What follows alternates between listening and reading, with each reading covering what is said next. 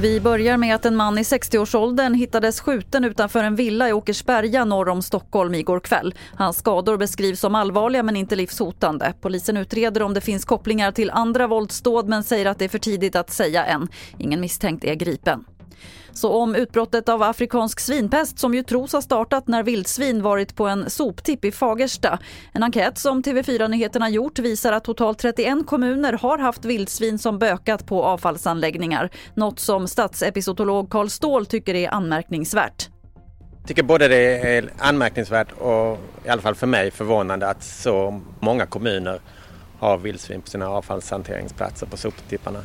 Och vi vet ju inte i och för sig i Fagersta om eh, soptippen om det är ursprunget för smittspridningen. Det kommer vi förmodligen aldrig få veta. Men det är i alla fall en riskfaktor att vildsvinen kommer åt sopor där det kan finnas kött eller eh, rester av kött. Och till sist kan vi berätta att skådespelaren Jonas Karlsson har nominerats till en Emmy i kategorin bästa skådespelarinsats för sin roll som ridläraren Tommy i serien Nattryttarna. Den hyllade serien kretsar kring övergrepp på en ridskola och är delvis baserad på en verklig händelse. Fler nyheter finns på tv4.se. Jag heter Lotta Wall.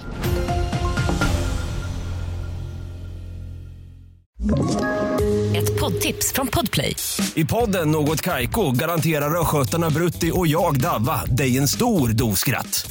Där följer jag pladask för köttätandet igen. Man är lite som en jävla vampyr. Man har fått lite blodsmak och då måste man ha mer.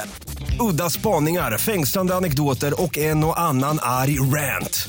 Jag måste ha mitt kaffe på morgonen för annars är jag ingen trevlig människa. Då är du ingen trevlig människa, punkt. Något Kaiko, hör du på Podplay. Därför arkadeinerna.